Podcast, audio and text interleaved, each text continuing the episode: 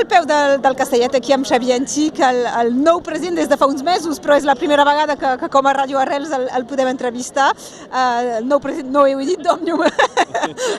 bon dia i, i el fet de, de ser aquí a la, a la Diada de Catalunya Nord és un símbol important i fort. Per a nosaltres és molt important. Òmnium sempre hi ha estat, com saps, a la Diada de la Catalunya Nord però per mi aquest any com a president d'Òmnium era molt important de ser-hi per donar suport, per donar reconeixement com una expressió de gratitud, perquè és la mateixa lluita, que és en defensa de la llengua, la cultura catalana,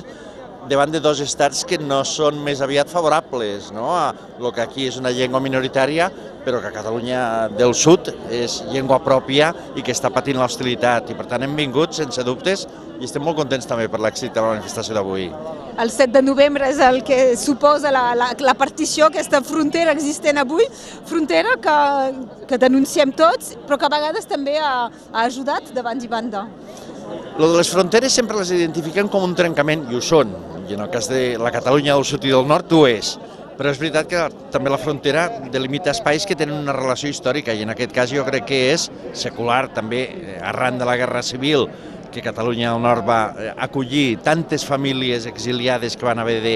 d'escapar-se de, de la victòria franquista, els lligams són continus. Eh, del sud llegim els escriptors de Catalunya Nord, a la Catalunya Nord se llegeixen del sud, i jo crec que la vinculació d'Òmnium amb les entitats com Òmnium Catalunya Nord, però arrels totes les altres, eh, que esteu fent tantíssima feina en defensa de la llengua catalana,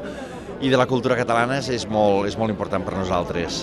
I doncs és evident que hi ha aquesta, aquesta relació contínua, hi ha, hi ha la, la, és la primera diada que, que podíeu venir com a, com a president, abans eren Jordi Cuixart i malauradament durant anys és el Marcel Mauri que, que l'ha hagut de representar perquè estava a la presó, però i, uh, i, i es vol continuar incrementant aquests, aquests projectes, aquests ponts entre Catalunya i Catalunya Nord? Per nosaltres és una, una, un objectiu estratègic que és ajudar i contribuir en tot el que puguem, perquè Òmnium Catalunya Nord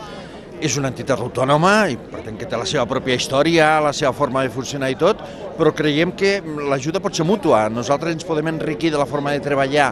d'Òmnium Catalunya Nord i totes les altres organitzacions que treballen per la defensa de la llengua i la cultura catalana i també nosaltres sempre ens hem posat a servei en tot allò que puguem ajudar. Creiem que hi ha molts projectes que ens poden ajudar. Nosaltres treballem, estem treballant en la defensa de la llengua catalana vinculada a temes de cohesió social i per tant a temes d'incrementar el sentiment de pertinença del país i creiem també que són experiments, podríem dir-ne que ara ja són projectes consolidats que segurament bueno, nosaltres ja els hem posat a servei no? per poder desplegar operacions conjuntes. I que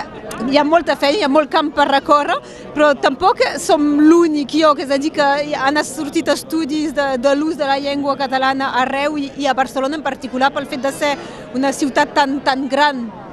No, estem en... La, feina n'hi ha molta a tot arreu. Hi ha moltíssima feina. Nosaltres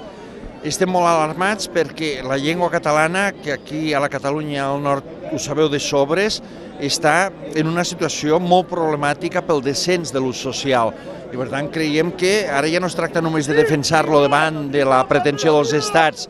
de minimitzar-la, sinó també perquè mm, al costat de cultures tan majoritàries amb una llengua que es desplega pel món parlant de milions d'habitants, el català és més feble i per tant necessita ajuda, necessita reforçar l'ús social,